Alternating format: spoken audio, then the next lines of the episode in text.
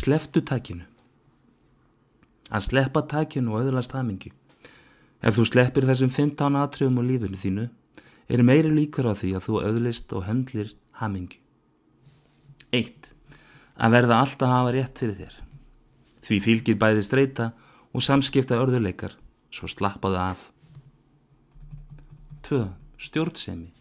Leiðu fólki að vera það sjálft. Þú eigðir orku og óþorfa tíma í slíka stjórnun. Vertu þú sjálfur, leiðu öðrum að vera sjálfum sér sangkvæmir. 3. Að kenna öðrum um.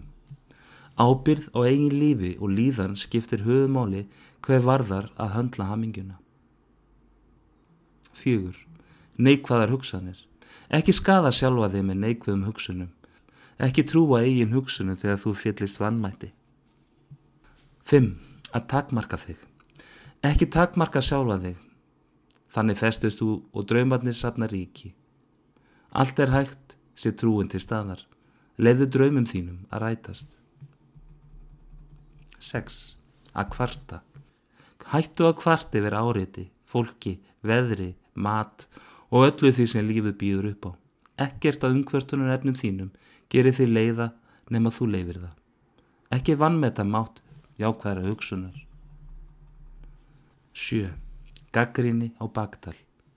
Við erum mismunandi og við viljum öll höndla hamingjum á mismunandi forsöndum. Hættu að eigða tími að gaggrina þá sem er lifa á öðrum forsöndum en þú. 8. Að fóknast öðrum. Hættu að reyna að láta öllum líka við þig. Um leið að þú hættir, dregst fólk að þér. 9. Ekki streytast á móti breytingum.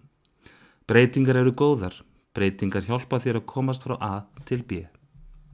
10. Að draga í dilka. Opnaði huga þín og láttu á fordómum.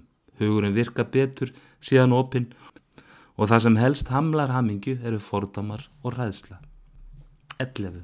Hugleysi.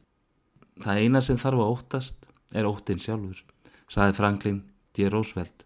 Óttin er sjálfskupuð hindrun sem er óþarfi að reysa. 12.